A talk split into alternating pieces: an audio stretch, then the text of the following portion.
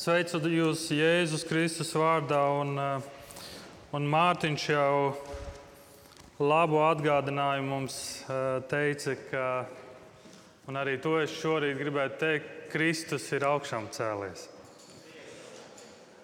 Un eh, tas nav tikai, Mārtiņš labi norādīja, ka tas nav tikai lieldienām, kad mēs draudzi to sakam. Patiesībā mums to daudz biežāk būtu jāatgādina un jāatkārto. Šodien par Latviju. Mārcis teica, ka Latvija ir tāda neizpētīta vieta daudziem. Varbūt kāds nāk no Latvijas un saka, ka es zinu Latviju un pazīstu. Bet, kad es saku šodien par Latviju, tad es gribu vienkārši teikt, mēs eh, esam mūsu sērijā Vēstulē romiešiem. Un, eh, un vēstule romiešiem reizēm šķiet kā latgale, kas joprojām nav izpētīta. Kad es saku šodien par latgali, tad šodien mēs esam vēstulē romiešiem. Es aicinu, ka tu ņem bībeli, atver vēstuli romiešiem piekto nodaļu, un mēs būsim pirmajos 11 pantos.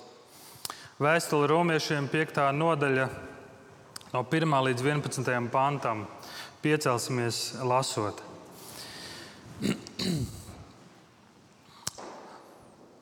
Tā nu starp mums, ticībā attaisnotajiem un Dievu, ir iestājies miers caur mūsu kungu Jēzu Kristu.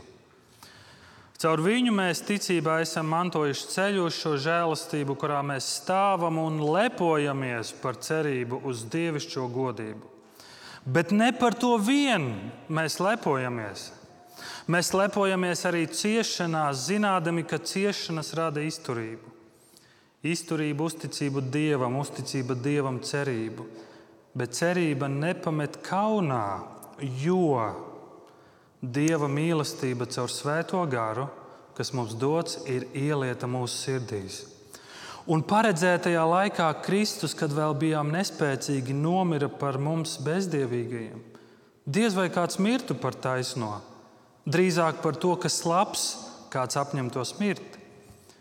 Bet Dievs savu mīlestību uz, uz mums parāda ar to, ka Kristus par mums nomiris, kad mēs vēl bijām grēcinieki. Jo vairāk tagad, kad esam attaisnoti viņa asinīs, mēs tiksim caur viņu izglābti no dusmības. Ja būdami dieva ienaidnieki, guvām izlīgumu ar Dievu viņa dēla nāvē, daudz vairāk, būdami izlīguši, tiksim izglābti viņa dzīvībā. Un ne tikai, pat lepojamies Dievā caur mūsu kungu Jēzu Kristu, kurā tagad esam saņēmuši izlīgumu. Lūksim Dievu. Debes Tēvs, paldies par Tavu vārdu. Un Jēzus Kristus, mēs lūdzam, ka Tu aizkustini mūsu sirdis tik ļoti, tik ļoti, ka mūsu kājas un rokas sāk kustēties. Lai Tavs svētais gars atver mūsu sirdis, maina mūsu skatījumu un parāda, cik daudz lielāks Tu esi. Cik liela ir šī mīlestība, par ko mēs dziedājam. Svētī savu vārdu. Āmen. Lūdzu, sēdieties! Man nesen bija dzimšanas diena, un uh, man dzimšanas dienā uzdāvināja mugursoma. Es esmu baigi priecīgs. Man ir jauna mugursoma. Un tad, kad es sākumā skatījos šo mugursomu datora ekrānā, tajā brīdī es domāju, wow, kāda mugursoma! Skaista krāsa, un, un, un, un tagad no došos ceļojumos došos pārgājienos. Bet tad man tā mugursoma tika atsūtīta. Es turēju viņu savās rokās. Es atceros, es atvēru to paciņu, uzliku uz muguras un gāju pie savām meitenēm. Mana sieva smaidīja, manas meitas priecīgas, un es priecīgs. Man ir jauna mugursoma. Bet vienu lietu gan es nezināju, Es, man, es uzliku to mugursomu, un es pēkšņi pamanu, wow, šeit ir vēl viena kabatiņa. Un tad šeit ir vēl viena kabatiņa, un tad tad šajā kabatiņā ir vēl šis. Un, un tad man meita pamanīja, ka šai mugursamai ir tāda svilpīta, ko es pat nebiju pamanījis. Un, un tad vēl ir tas, un tad vēl ir tas. Un, un vienkārši viena mugursoma. Viena mugursoma ar tik daudz kabatiņām, ar tik daudz pārsteigumiem.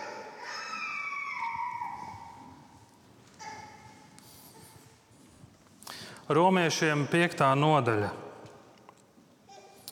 Mārtiņš Luters saka, ka šāda nodaļa nav, ka tik spēcīga nodaļa, tik spēcīgi vārdi nav atrodami nekur citur Bībelē, kā Romiešiem 5. nodaļā. Un mana cerība, mans, viens no maniem mērķiem ir, ka šodien, kad mēs ejam cauri šiem 11 pantiem, mēs spēsim ieraudzīt, cik daudz pārsteigumus mēs tur ieraugām. Ka mēs spēsim ieraudzīt, ka Dievs, ko Dievs ir sagatavojis tiem, kas tic Viņa dēlam. Un ziniet, ko es secinu? Dievam patīk pārsteigumi. Dievam patīk pārsteigt. Un šos pantus, kad es lasīju, vai tu pamanīji šīs pārējas, ko Pāvils saka, bet ne par to vienu daudz vairāk, un ne tikai, un Pāvils grib turpināt, un, un ne tikai, un daudz vairāk, un paskatieties, šeit vēl ir kabatiņa, un, un tad vēl ir šis, un tad vēl tas, un vienkārši tu esi pārsteigts.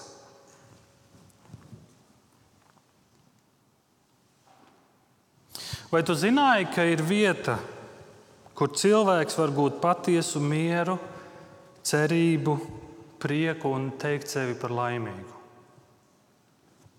Ir tāda vieta, un iespējams, tu domā, debesis. Bet Pāvils saka, ir vieta šeit jau uz zemes.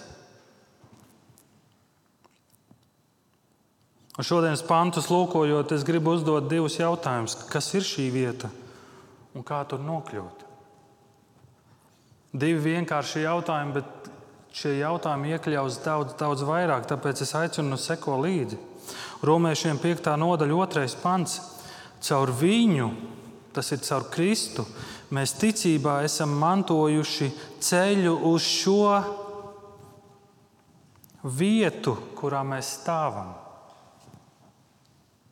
Jā, tur ir cits vārdiņš.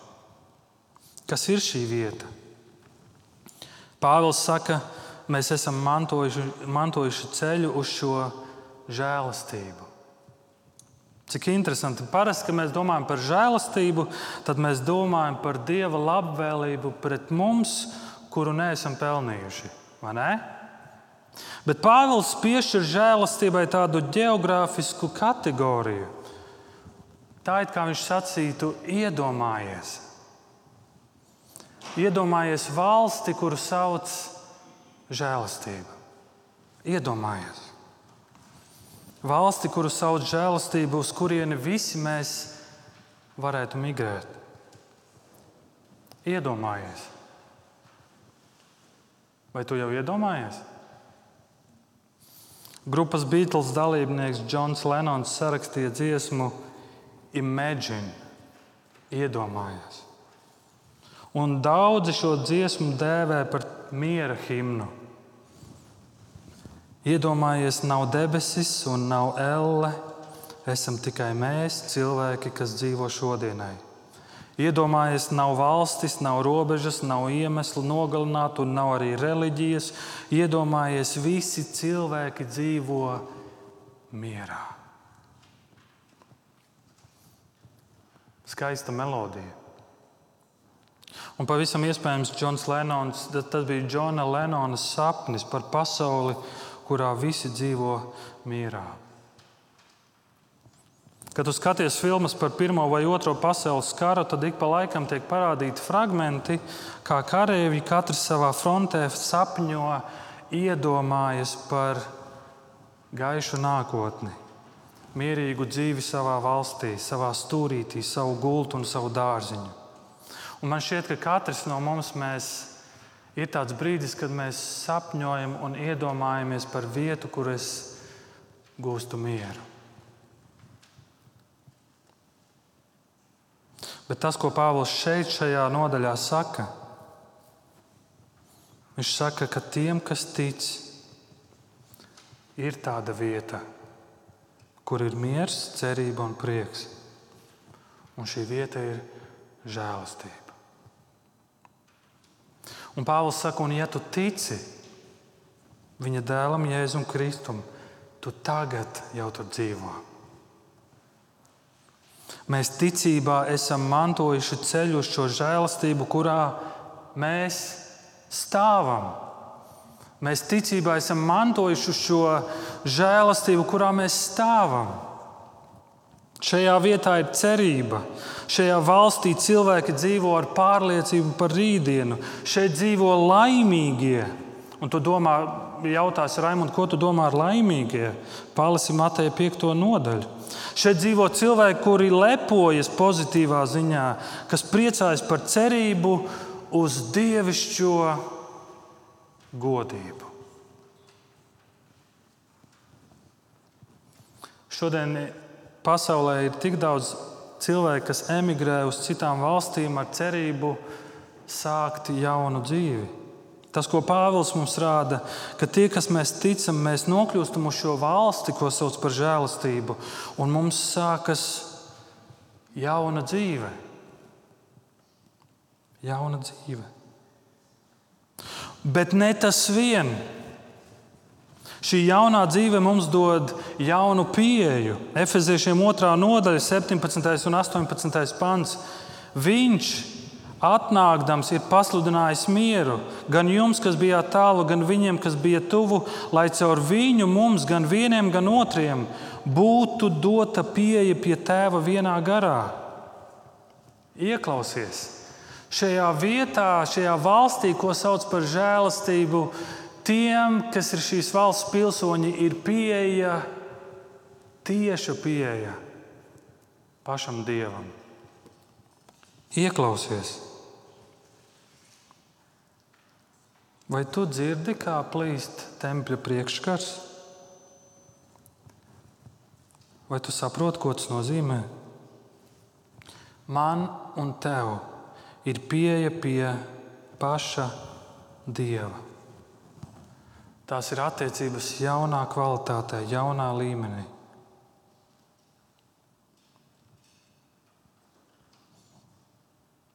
Vai šie cilvēki, kas dzīvo šajā valstī, valstī,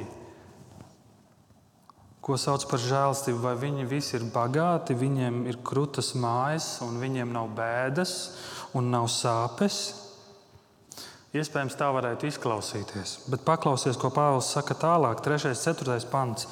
Bet ne par to vien mēs lepojamies. Mēs lepojamies arī ciešanās, zinādami, ka ciešanas rada izturību, izturība, uzticību Dievam, uzticība Dievam, cerību. Jā, šī jaunā valsts, uz kuru mēs migrējam, dod mums jaunu dzīvi, jaunas iespējas, jaunu kvalitāti, dzīves kvalitāti. Bet šī lokācijas vieta joprojām ir uz šīs zemes. Un šeit mēs joprojām sastopamies ar sāpēm un ciešanām. Un Pāvils saka, ka tā ir garantija, ja mēs esam šajā teritorijā, ja mēs šeit nokļūstam, ja mēs esam šajā žēlstībā, tad tā ir garantija par cerību uz nākotnes godību. Bet ir vēl viena lieta, kas ir garantēta. Ir vēl viena lieta, kas ir garantēta, un šo tu labāk pieliec pie sava leduskapja, pie sienas viesistabā, vai toaletē, vai uz sava auto blakus zīltiņai. Un šī vēl viena lieta, kas ir garantēta mums, ticīgajiem, ir tas, ko Kristus saka Jāņa 16,33. To es jums esmu teicis tādēļ, lai jūs rastu mieru manī.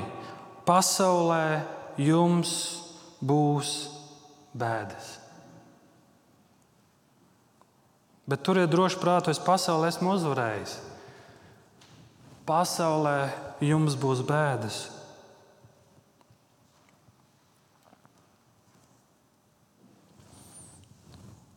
Jauna dzīve ar jaunu kvalitāti. Bet kādam tas ļoti nepatīk. Kādu tas ļoti neapmierina. Tas ir mūsu lielākais ienaidnieks, tas ir Sātans. Un Pāvils nevēlas, lai mēs dzīvotu ilūzijā, domādami, Lai mēs neesam pārsteigti, ja pēkšņi sastopamies ar ciešanām. Ciešanas nozīmē būt zem spiediena. Bet tas, ko mēs lasām šajos 11 pantos, kad tie, kas dzīvo Dieva žēlastībā, šajā valstī, ko sauc par žēlastību, tiem tiek dota spēja priecāties pat esot ciešanās.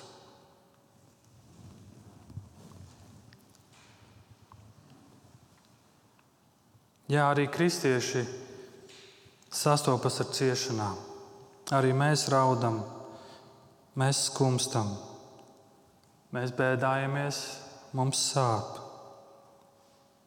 Mēs skumstam, kad nomirst tēvs un atstāja sievu ar bērniem. Bet Dievs ticīgajiem dod spēju stāvēt. Mēs esam mantojuši ceļu uz, šo žēlastību, kurā mēs stāvam. Stāvēt šajā žēlastībā. Žēlastība nav tikai vieta, tā nav tikai dieva labvēlība. Tas ir daudz vairāk. Žēlastība ir dieva spēks. Un ciešanas savā veidā ir kā tāds tests, tests mūsu ticībai. Interesanti, vai ne? Ko es ar to domāju? Mateja 13. nodaļā Jēzus stāsta līdzību. Viņš saka, ka sējais izgāja sēt, un kādu sēklu, sēkla krita uz ceļmalā, kāda uz akmenāja, kāda ērkšķos un kāda labā zemē. Un tad viņš, kad skaidro šo līdzību, viņš saka, un tad nāca ciešanas. Un tad kādi apgrēkojās, kādi novērsās un kādi palika neauglīgi. Ko tava dzīves uztvere saka par šo pasauli un dzīvi? Ko tavs skatījums uz pasauli saka par ciešanām? Vai nav tā, ka mēs brēcam, kad ir ciešanas, mēs kliedzam un sakam, tas nav godīgi, tas ir netaisnīgi, tas padara manu dzīvi bezjēdzīgu? Vai tavā dzīves uztverē ir vieta cerībai?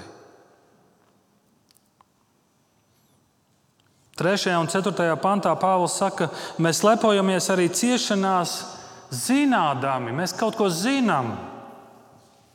Mēs zinām, ka ciešanas rada izturību, izturība, uzticība Dievam, uzticība Dievam, cerību. Mēs lepojamies, jo zinām,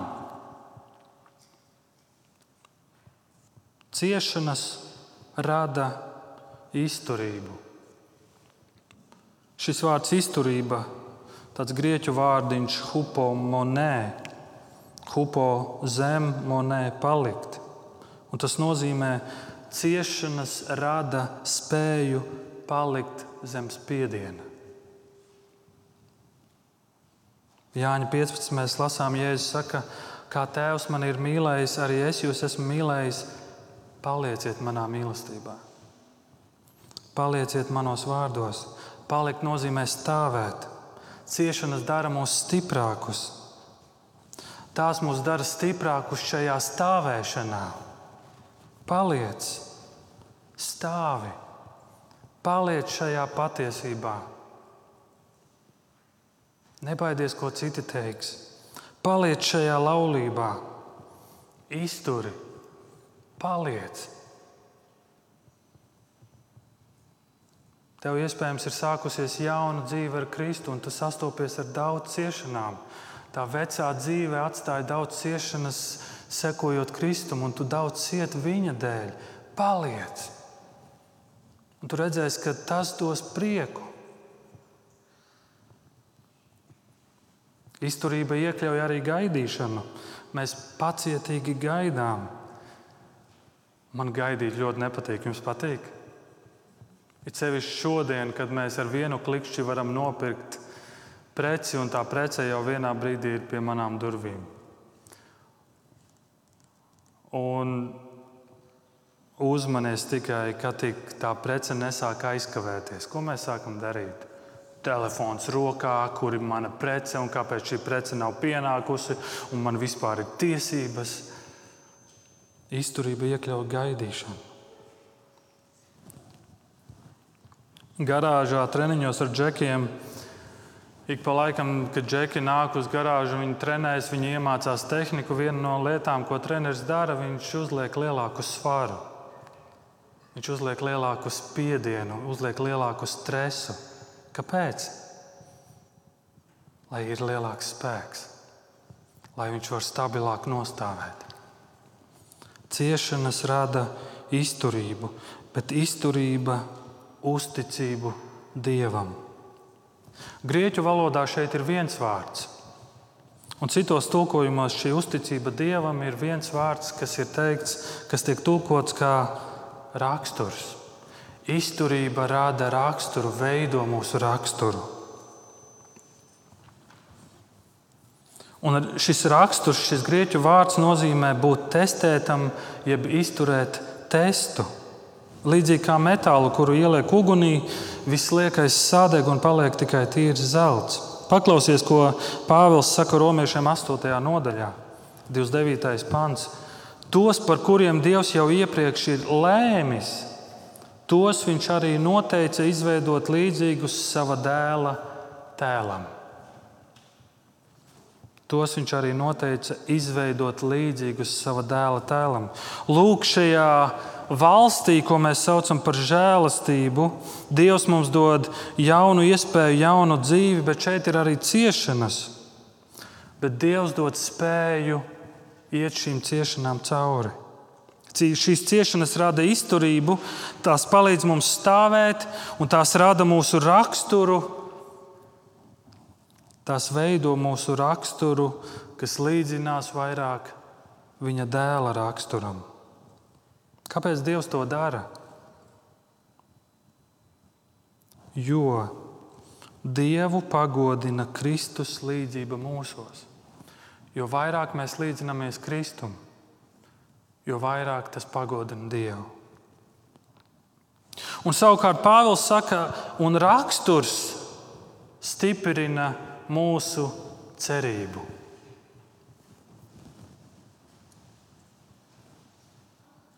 Raksturs stiprina mūsu cerību.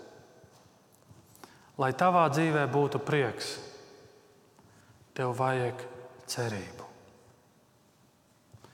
Lai tavā dzīvē būtu patiesa prieks, tev vajag cerību. Un tu zini, ko daudz saka par cerību. Un pirmais, noteikti, ko tu man teiktu, cerība ir muļķa mierinājums. Es tā dzirdēju. Vai tu esi tā teicis?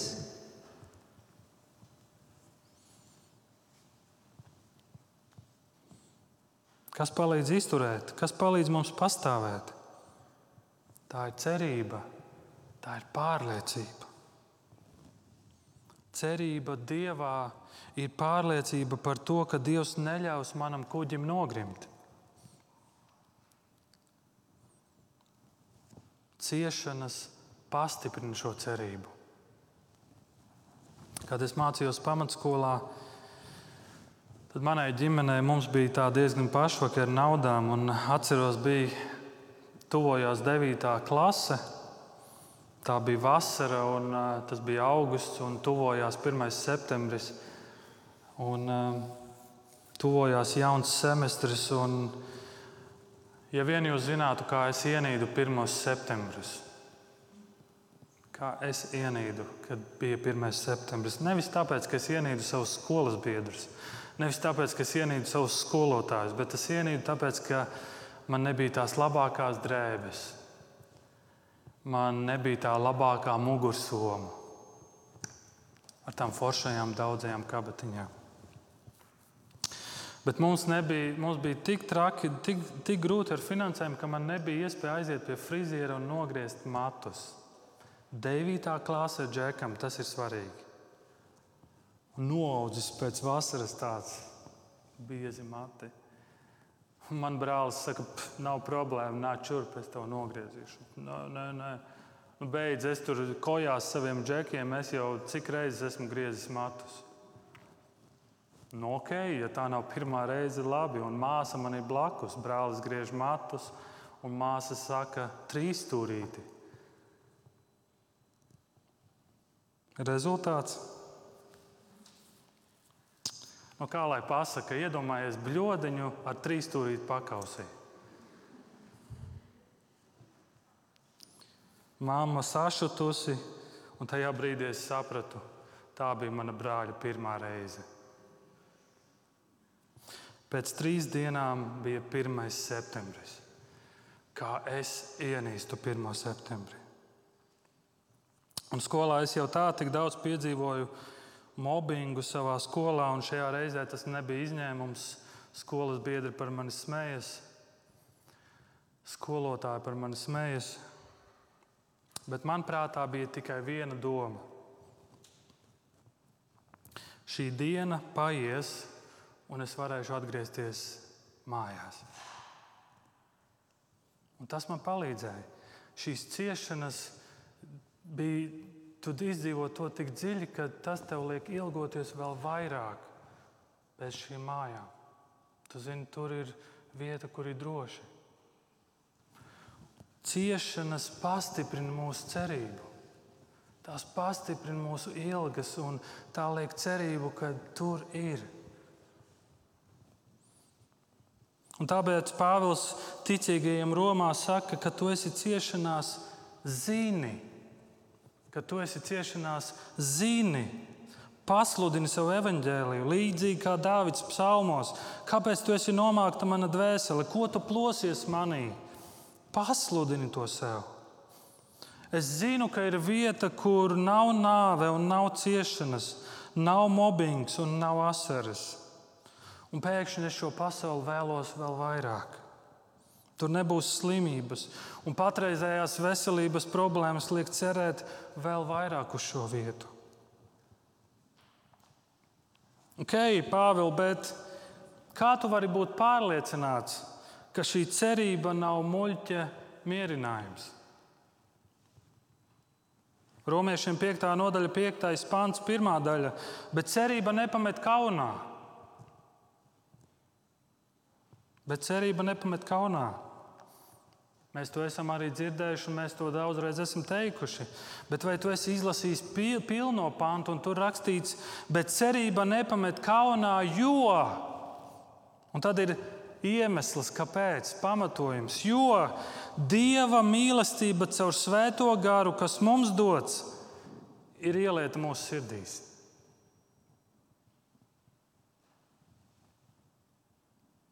Vai tu pamani? Šajā valstī, ko sauc par žēlastību, ir miers, cerība, prieks. Un žēlastības pilsoņiem ir pieeja pie paša Dieva, kurš nepārtraukti par mums gādā. Viņš dod šajā vietā, pilsoņi saņem viņa svēto garu. Viņš dod savu svēto garu, kurš atgādina par viņa mīlestību. Svētais gars ir kā tāds kanāls, kurš dod mums dieva mīlestību. Un tas nav tikai apšļakstīt, tas ir ventas rumba, niegāras ūdenskritums. Dievs to gāž pār mums caur savu svēto garu. Un šī ir pirmā reize vēstulē romiešiem, kad parādās šis vārds mīlestība. Šis vārds mīlestība ir agape mīlestība. Tu pamani, kā Pāvils saka, paskaties, šeit vēl viena kabatiņa. Un starp citu, šeit ir vēl kaut kas. Vai zini, ko nozīmē agape mīlestība?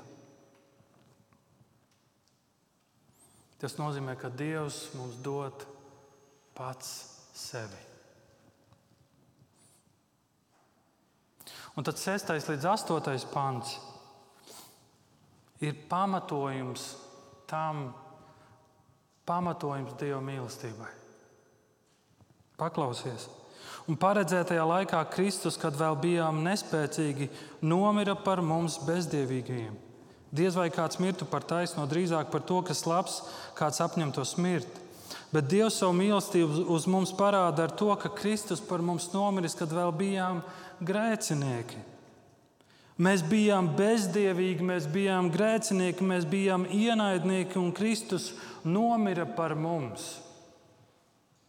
Un svētais gars ir tas, kurš mums izgaismo, izskaidro un parāda, kāda nozīme ir Jēzus Kristus nāvei pie krusta, ka tas ir centrālais mūsu dzīvē. Tā ir kulminācija. Ka Jēzus nāve nozīmē visu. Un Pāvils saka, diez vai kāds būtu gatavs mirt pār taisno. Un šeit viņš nedomā, šeit viņš domā cilvēciski taisno cilvēku. Cilvēciski runājot, jo Pāvils pats teica, nav neviena taisna, it neviena. Drīzāk par to, kas labs kāds apņemtos mirt. Un mēs esam dzirdējuši stāstus, kā cilvēki ir gatavi ziedoties citu dēļ. Šis, šī traģēdija, kuģis Titaniks. Un šajā notikumā no, bija cilvēki, kas ziedojās, lai dotu savu vietu mātei ar bērnu. Bet vai ir kāds gatavs mirt par ienaidnieku? Vai ir kāds gatavs mirt par par to, kurš uz tevi spļauj.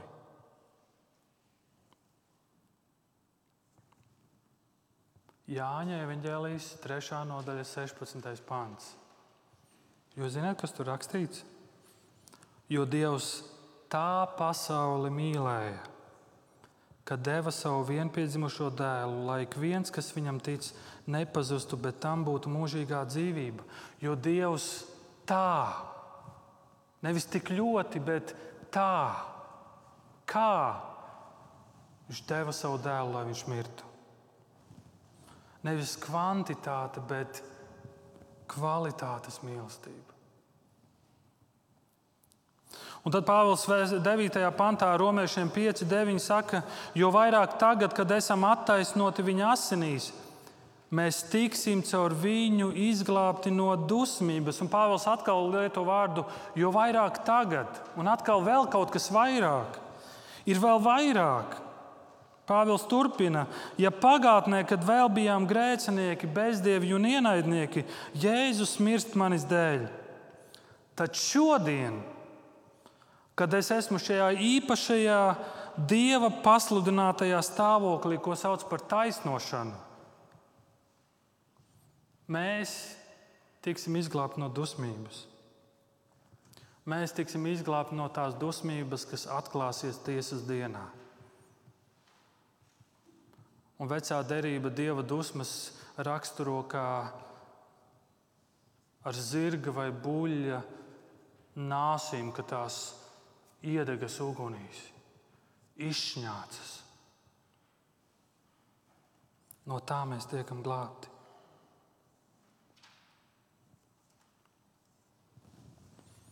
Vai tas ir pietiekams pierādījums, ko Dievs manis un tevis dēļ ir darījis? Un Dievs dara to tik publiski, cik vien iespējams. Jēzus tiek piesists krustā nevis slepenā vietā, bet ļoti publiskā vietā, lai visi garām gājēji to redz. Un šodien Dievs aicina ikvienu, un Viņš saka, nāc šajā vietā, nāc šajā valstī, ko sauc par žēlastību un dziedi kopā šīs valsts himnu, arī ciešanās.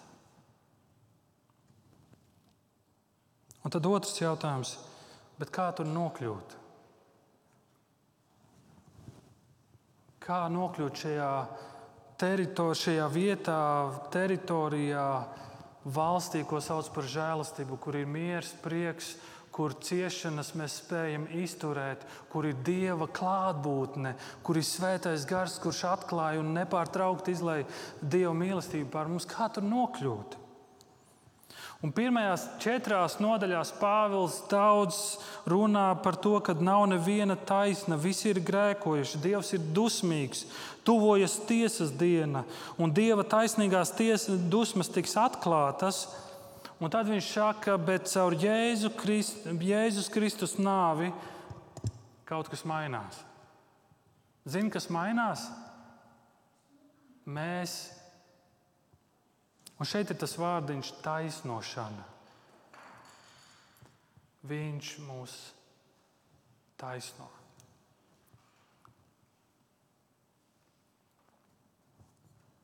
Piektās nodaļas pirmais pants. Tāpēc, jeb tā nu, starp mums, ticībā attaisnotajiem un Dievu ir iestājies miers caur mūsu kungu Jēzu Kristu. Ir iestājies miers. Desmitajā pantā Pāvils saka, jo būdami dieva ienaidnieki, mēs guvām izlīgumu ar Dievu viņa dēla nāvē. Ja godīgi,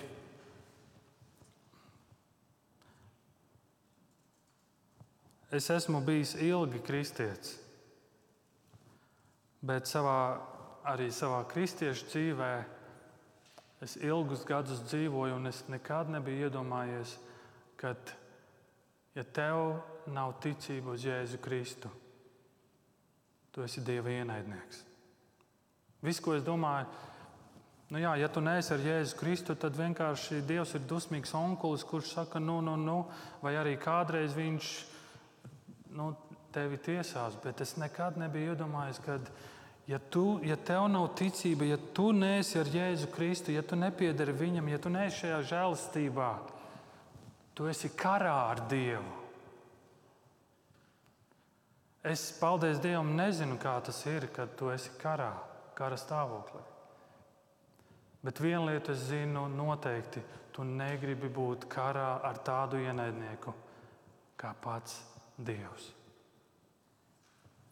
Un Jēzus Kristus dēļ šis pirmais pants, ko pasaka, caur Jēzu Kristu mēs pēkšņi iegūstam miera attiecības ar Dievu, iestājas miers.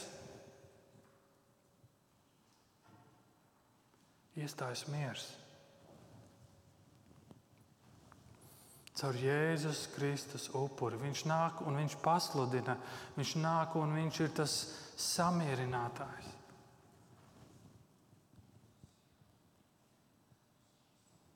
Tas nav vienkārši iekšējs miers, tas ir miers ar Dievu.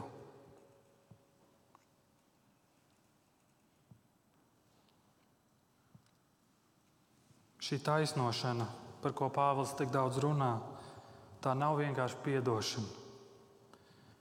Mēs kļūstam pilnīgi pieņemti, Dieva pieņemti, Dieva taisnoti. Romiešiem 8,34. Kas tos pazudinās? Ir taču Kristus Jēzus, kas miris vēl vairāk, kas augšām cēlēs, kas ir pie Dieva labās rokas un kas aizstāv arī mūsu kurš mūs apsūdzēs, kas mūs pazudinās? Vai tu spēj iedomāties godīgu tiesnesi, kurš apsūdzēs cilvēku, kurš ir attaisnots, kurš ir taisnots, kurš ir pareiz, pareizs?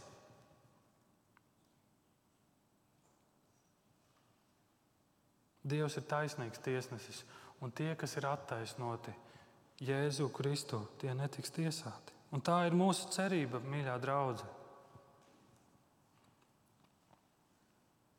Tā ir mūsu cerība. Kā mēs tur nokļūstam? Mēs nokļūstam, ja mums ir ar Dievu miers. Bet, lai iegūtu mieru ar Dievu, mums ir vajadzīgs Jēzus Kristus. Mums vajadzīga ticība uz Viņu.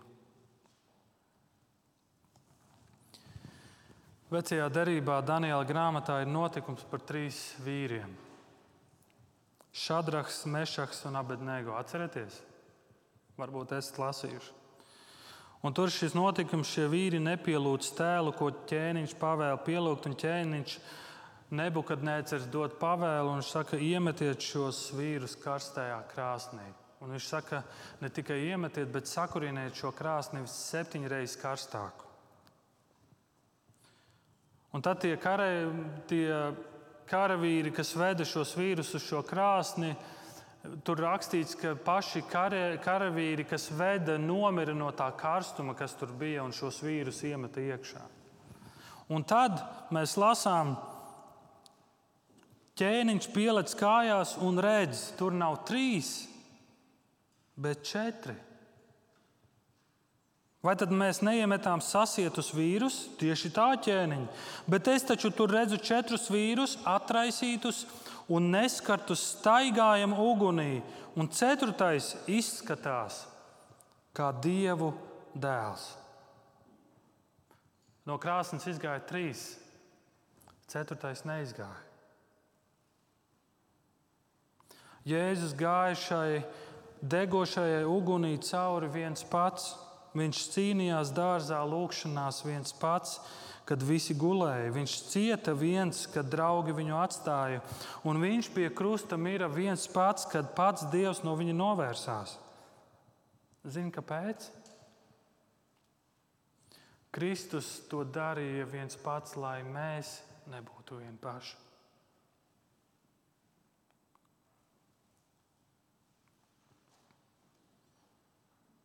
Kristū mēs saņemam izlīgumu, Pāvils saka 11. pantā.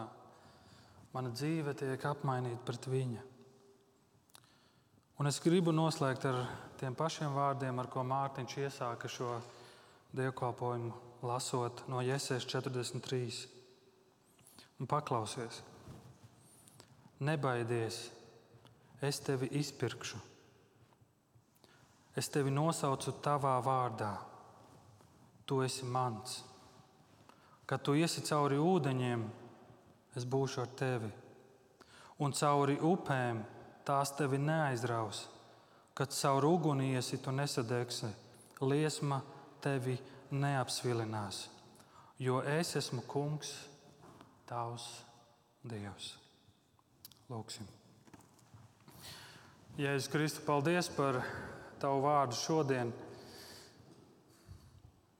Paldies par šo bagātību, ko mēs redzam tavā vārdā. Un paldies, ka tavs vārds ir tik pilns ar pārsteigumiem. Un Jēzus Kristu palīdz, ka mēs cenšamies ieraudzīt vēl vairāk to, cik liels, cik skaists un varens tu esi, un palīdz mums piedzīvot to savā dzīvē. Ko nozīmē staigāt šajā žēlastībā, dzīvot tajā. Es ļoti lūdzu par tiem, kas ir ciešanās. Es ļoti lūdzu, ka tu viņiem atgādini par to cerību, ka tu atgādini par sevi un ka tu atgādini, ka, ka ir cerība. Un palīdz mums būt blakus tiem, kas ir ciešanās. Paldies par šo jauno dzīvi. Paldies par šo vietu, ko mēs saucam par žēlstību. Tu to esi veidojis. Paldies par tavu pieeju caur Jēzu Kristu un paldies par ticību viņam. Svētī mūs kā draugu. Āmen!